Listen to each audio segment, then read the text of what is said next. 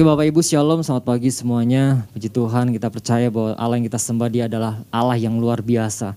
Dan pesan Tuhan minggu ini yaitu prajurit-prajurit yang memandang jauh ke depan. Nah ketika saya merenungkan pesan Tuhan ini Bapak Ibu, prajurit-prajurit yang memandang jauh ke depan. Nah sebenarnya kan sudah jelas gini, bahwa Tuhan mau bawa setiap kita dan kita percaya bahwa kita adalah prajurit-prajuritnya Tuhan yang tangguh dan Tuhan mau bawa kita itu kepada satu level yang yang luar biasa. Tuhan sediakan perkara-perkara yang luar biasa di depan sana Bapak Ibu. Nah sehingga gini, saya katakan kita tidak cukup hanya berada di ring satu saja. Kita hanya bisa melihat keadaan di ring satu seperti apa, pertolongan Tuhan seperti apa. Tetapi Tuhan mengajak kita masuklah ke ring kedua. Masuk ring tiga, masuk ring empat sampai ring yang kesekian. Sampai kita melihat bahwa ini loh rencana Tuhan yang begitu dahsyat dalam hidup kita. Sehingga gini, setiap kita, kita harus memperlengkapi hidup kita masing-masing. Kerohanian kita Nggak cukup kita berada di ring satu. Kita puas, udahlah Tuhan. Kayaknya saya cukup di ring satu aja. Berarti Tuhan ajak kita, lihat keadaanmu. Di ring dua seperti apa? Ring tiga seperti apa? Di ring selanjutnya seperti apa? Prajurit-prajurit yang memandang jauh ke depan. Nah di dalam 2 Samuel 23 ayat yang ke-12. Firman Tuhan dikatakan, maka berdirilah ia di tengah-tengah ladang itu. Ia dapat mempertahankannya dan memukul kalah orang Filistin. Demikianlah diberikan Tuhan kemenangan besar. Prajurit-prajurit yang memandang jauh ke depan. Berarti kan di dalam setiap kehidupan kita harus ada yang kita lakukan. Harus ada kegerakan yang kita tindak lanjuti dalam hidup kita kerohanian kita yang kita harus kita upgrade hari demi hari.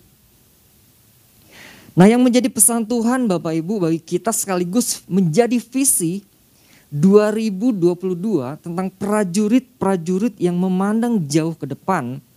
Nah bicara tentang visi, visi adalah suatu yang Tuhan inginkan kita menjadi seperti apa. Di mana di sana Tuhan memberikan satu pengarahan, memberikan tujuan, sikap, mentalitas, dan gaya hidup prajurit-prajurit yang memandang jauh ke depan. Inilah yang harus kita tangkap Bapak Ibu, termasuk saya juga. Kita harus tangkap dan kita hidupi. Nah mungkin kita lihat mungkin kondisi bangsa kita terlihat sedang membaik saat ini. Namun ketika kita melihat visi yang Tuhan berikan ini, Tuhan tetap perlu membangkitkan prajurit prajuritnya yang bermentalitaskan kerajaan sorga. Yang tangguh untuk menghadapi situasi yang mungkin terjadi. Nah artinya gini, Tuhan sedang persiapkan kehidupan kita masing-masing Bapak Ibu. Tuhan persiapkan kehidupan saya untuk menjadi apa? Kita semua untuk menjadi prajurit-prajurit yang gagah berani. Prajurit-prajurit yang tangguh. Nah setiap kita pasti akan diperhadapkan uh, dengan situasi yang kadang kita tidak mengerti Bapak Ibu. Situasi yang kadang kita tidak pahami. Yang di depan sana yang akan mungkin kita hadapi. Yang tidak mudah. Karena gini, kita terbatas. Kita memerlukan Allah yang tidak terbatas itu. Allah yang luar biasa. Kita nggak bisa mengandalkan gini Bapak Ibu, kekuatan kita kita hanya mengandalkan kekuatan kita, kemampuan kita, kepintaran kita, tanpa kita membangun sebuah hubungan kita dengan Tuhan. Nah, seorang prajurit yang terkoneksi dengan seorang komandan, di mana sang komandan akan terus memberikan satu arahan, di mana komandan akan memberikan satu perintah-perintah yang harus prajurit lakukan, di mana komandan akan memberikan satu peringatan apa yang harus dia lakukan, apa yang harus dia tidak lakukan. Harus ada jalinan, harus ada koneksi. Nah kita percaya gini Bapak Ibu, kita akan menghadapi satu peperangan. Perangan pasti yang kita hadapi adalah perangan rohani. Yang di mana kita akan menghadapi lebih dahsyat lagi. Dan kita harus tetap terus memperlengkapkan, memperlengkapi kehidupan kita masing-masing. Nah kalau kita lihat kan seperti Daud. Daud diajari Tuhan. Itu di dalam Mazmur 34 Bapak Ibu. Mazmur 18 ayat yang ke-34. Di sana dikatakan apa? Yang mengajar tanganku berperang sehingga lenganku dapat melenturkan busur tembaga. Setiap kita perlu memperlengkapi. Kita siap enggak untuk kita ditempa? Kita siap enggak untuk kita diajar? Untuk menjadi seorang prajurit yang mempunyai sebuah kapasitas. Prajurit yang mempunyai sebuah tanggung jawab. Nah saya percaya gini Bapak Ibu, setiap kita orang-orang percaya ada beban di pundak kita. Ada tanggung jawab di pundak kita. Ada beban, ada tugas yang Tuhan kasih dalam setiap kita. Nah, untuk kita melakukan tugas itu, beban yang Tuhan kasih, tugas yang Tuhan kasih, maka gini kan, kita harus meningkatkan kapasitas kita untuk menjadi yang lebih besar lagi. Karena kita gini, memikul tanggung jawab yang besar. Tuhan mau percayakan kita banyak hal. Banyak hal. Bukan hanya satu dua hal. Tetapi banyak hal yang Tuhan percayakan dalam kehidupan kita. Menjadi pahlawan-pahlawan yang gagah berani. Nah, beberapa hal yang harus kita miliki sebagai prajurit-prajuritnya Tuhan. Yang pertama gini Bapak Ibu. Siap dibentuk dan ditempa. Siap sedia siap dibentuk dan ditempa. Dia harus siap sedia. 2 Samuel 23 ayat yang 13. 2 Samuel 23 ayat yang ke-13. Sekali datanglah tiga orang dari ke-30 kepala mendapatkan Daud menjelang musim menuai dekat gua Adulam sedang sepasukan orang Filistin berkemah di lembah Refaim. Nah kalau kita mundur dalam 1 Samuel Bapak Ibu. 1 Samuel 22 ayat yang kedua. Kita lihat bersama-sama. 1 Samuel 22 ayat yang kedua. Berhimpunlah juga kepadanya setiap orang yang dalam kesukaran. Setiap orang yang dikejar-kejar tukang piutang. Setiap orang yang sakit hati maka ia menjadi pemimpin mereka. Bersama-sama dengan dia ada kira-kira 400 orang. Nah saya percaya gini Bapak Ibu, kebersamaan mereka Daud di Gua Adulam dengan mereka ini, sehingga Daud menghasilkan 400 prajurit. Saya percaya banyak hal-hal yang Daud ajarkan pada mereka.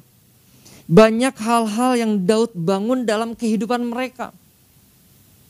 Sehingga gini kan, mereka menjadi satu pra, menjadi prajurit-prajurit yang gagah berani. Prajurit-prajurit yang handal. Artinya mereka harus siap dibentuk. Mereka harus siap ditempa. Harus siap sedia. Nah mungkin dalam kehidupan kita Bapak Ibu. Siap dibentuk. Siap ditempa itu dalam hal apa? Mungkin proses kehidupan kita Mungkin melalui didikan, mungkin melalui pendisiplinan dalam hidup kita, mungkin melalui tantangan hidup yang kita hadapi hari-hari ini, tantangan hidup yang ke depan sana yang kita akan kita hadapi.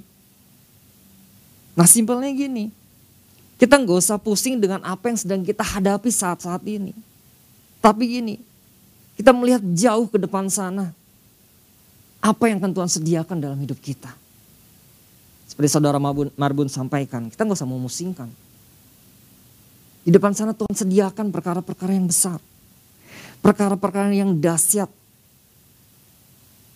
Pertanyaannya gini kan, apakah saya, apakah kita semua siap nggak untuk kita ditempa, dibentuk, untuk menjadi se, uh, seorang prajurit yang gagah, untuk menjadi seorang prajurit yang berani.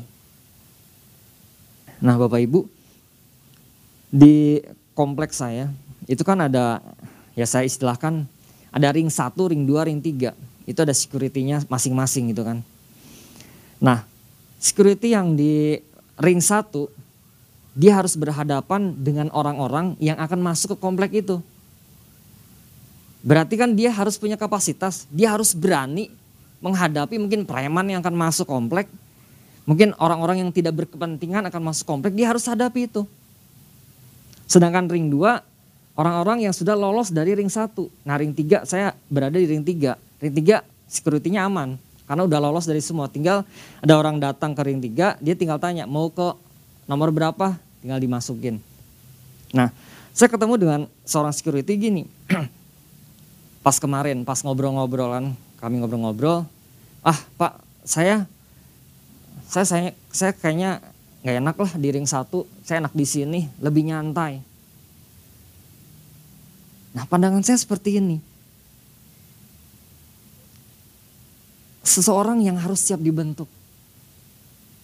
Nah mungkin melalui ring satu ini orang ini dibentuk. Ya enggak? Mungkin orang ini belum menghadapi, belum pernah menghadapi bagaimana menghadapi seseorang yang akan masuk ke daerah itu. Bagaimana cara menghadapinya. Mungkin ini satu hal yang saya katakan siap nggak dibentuk di sini. Nah mungkin dalam kehidupan kita, kita siap nggak dibentuk. Ketika Tuhan percayakan, ketika Tuhan taruh uh, hal-hal yang Tuhan kasih sediakan dalam hidup kita. Kita siap enggak? Kita mau enggak? Tuhan, saya siap dibentuk. Tuhan, saya siap ditempa. Tuhan, saya siap sedia. Nah kalau saya kesaksian kemarin kan, saya nggak siap sedia. Ketika ada saudara saya yang mengatakan, bantu doa untuk orang ini. Tapi saya melihat latar belakang orang ini saya, dan saya berkata, tidak. Artinya apa? Saya nggak siap sedia. Padahal gini kan, Tuhan mau membentuk kehidupan saya di satu tempat ini. Supaya saya menjadi prajurit yang berani. Tapi saya keburu menolak. Janganlah, jangan saya yang lain aja. Nah pertanyaan yang kita renungkan untuk poin yang pertama ini. Seberapakah untuk kita siap dibentuk untuk ditempa oleh Tuhan? Mungkin dengan sekeliling kita, Seberapakah kita siap sedia untuk kita terima tanggung jawab yang besar yang Tuhan kasih dalam hidup kita. Nah, di poin pertama ini artinya kita harus mempunyai sikap apa? Sikap yang mau dibentuk. Sikap yang rendah hati, mempunyai penundukan diri. Untuk kita menerima apa? Apa yang mau Tuhan sampaikan? Apa yang mau orang sampaikan untuk membentuk hidup saya untuk menjadi seorang prajurit? Nah, poin yang kedua, Beberapa nilai yang harus kita miliki sebagai prajurit-prajuritnya Tuhan adalah yang kedua yaitu menghargai hal-hal terkecil sekalipun. 2 Samuel 23 ayat 11 sampai yang ke-12. 2 Samuel pasal 23 ayat 11 sampai ke-12 dengan firman Tuhan. Sesudah dia sama anak Agi orang Harari Ketika orang Filistin berkumpul di Lehi, di sana ada sebidang tanah ladang penuh kacang merah dan tentara telah melarikan diri dari hadapan orang Filistin.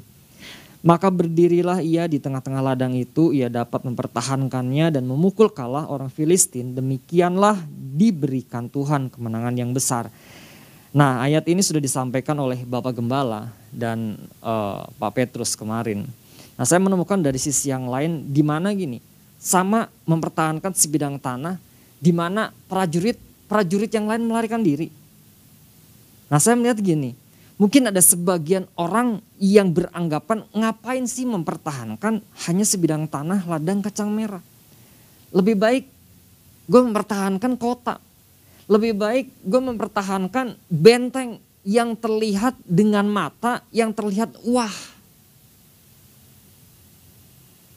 Nah, seperti yang disampaikan Bapak Gembala, kita lihat sama, dia mempunyai cara pandang yang jauh. Nah, mungkin kita sering menyepelekan hal-hal yang kecil yang terjadi dalam hidup kita. Mungkin ini teguran juga dalam hidup saya. Mungkin ada tugas-tugas yang kecil yang Tuhan mau sampaikan tetapi kita tidak melakukannya.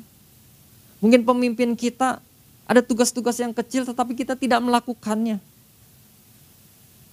Padahal dengan tugas kecil yang kita lakukan itu akan kita, membawa kita kepada satu perkara-perkara yang lebih besar lagi. Karena apa? Mungkin perkara-perkara kecil, tugas-tugas yang kecil, mungkin itu akan melatih kita. Itu akan melatih kita, mungkin kesabaran kita, mungkin ketekunan kita, mungkin apalagi ketelitian, kita lebih peduli, menghargai hal-hal terkecil sekalipun. Nah mungkin kita bisa melihat lagi, kita bisa merenungkan lagi. Ada hal-hal apa sih yang Tuhan sedang berikan dalam hidup kita. Mungkin kita merasa, ah ini ya hal kecil Tuhan kayaknya gampang deh. Bisa dikerjakan dengan orang, orang lain. Padahal Tuhan memberikan itu tugas kepada kita. Untuk kita melakukan. Tuhan sebenarnya sedang mempersiapkan kita untuk menjadi prajurit-prajurit yang peduli mungkin. Prajurit-prajurit yang penuh dengan ketelitian. Prajurit-prajurit yang tekun. Prajurit-prajurit yang penuh dengan kesabaran dalam menghadapi situasi hal. Nah mari Bapak Ibu, dua hal ini, dua hal ini yang saya bagikan, yang saya renungkan, berapa nilai yang harus kita miliki sebagai prajurit-prajuritnya Tuhan Ternyata kita harus menghargai hal-hal yang terkecil sekalipun. Apa yang Tuhan percayakan. Apa yang sedang Tuhan kasih dalam hidup kita. Jangan sepelekan itu. Kita percaya Tuhan sedang persiapkan melalui hal yang terkecil. Lalu yang kedua, eh, siap dibentuk dan ditempa, siap sedia. Artinya kita harus punya sikap dibentuk Diperlukan sikap penundukan diri, rendah hati. Mari Bapak Ibu, setiap kita termasuk saya, mari kita semua perlengkapkan, perlengkapi setiap kehidupan kita, kerohanian kita. Kita terus mendekat kepada Tuhan. Sampai gini kita menemukan oh, tujuan Tuhan dalam hidup kita. Jauh ke depan sana. Ada satu rencana yang besar. Ada satu rencana yang akan Tuhan kasih dalam setiap hidup kita. Gereja ini. Tuhan Yesus memberkati.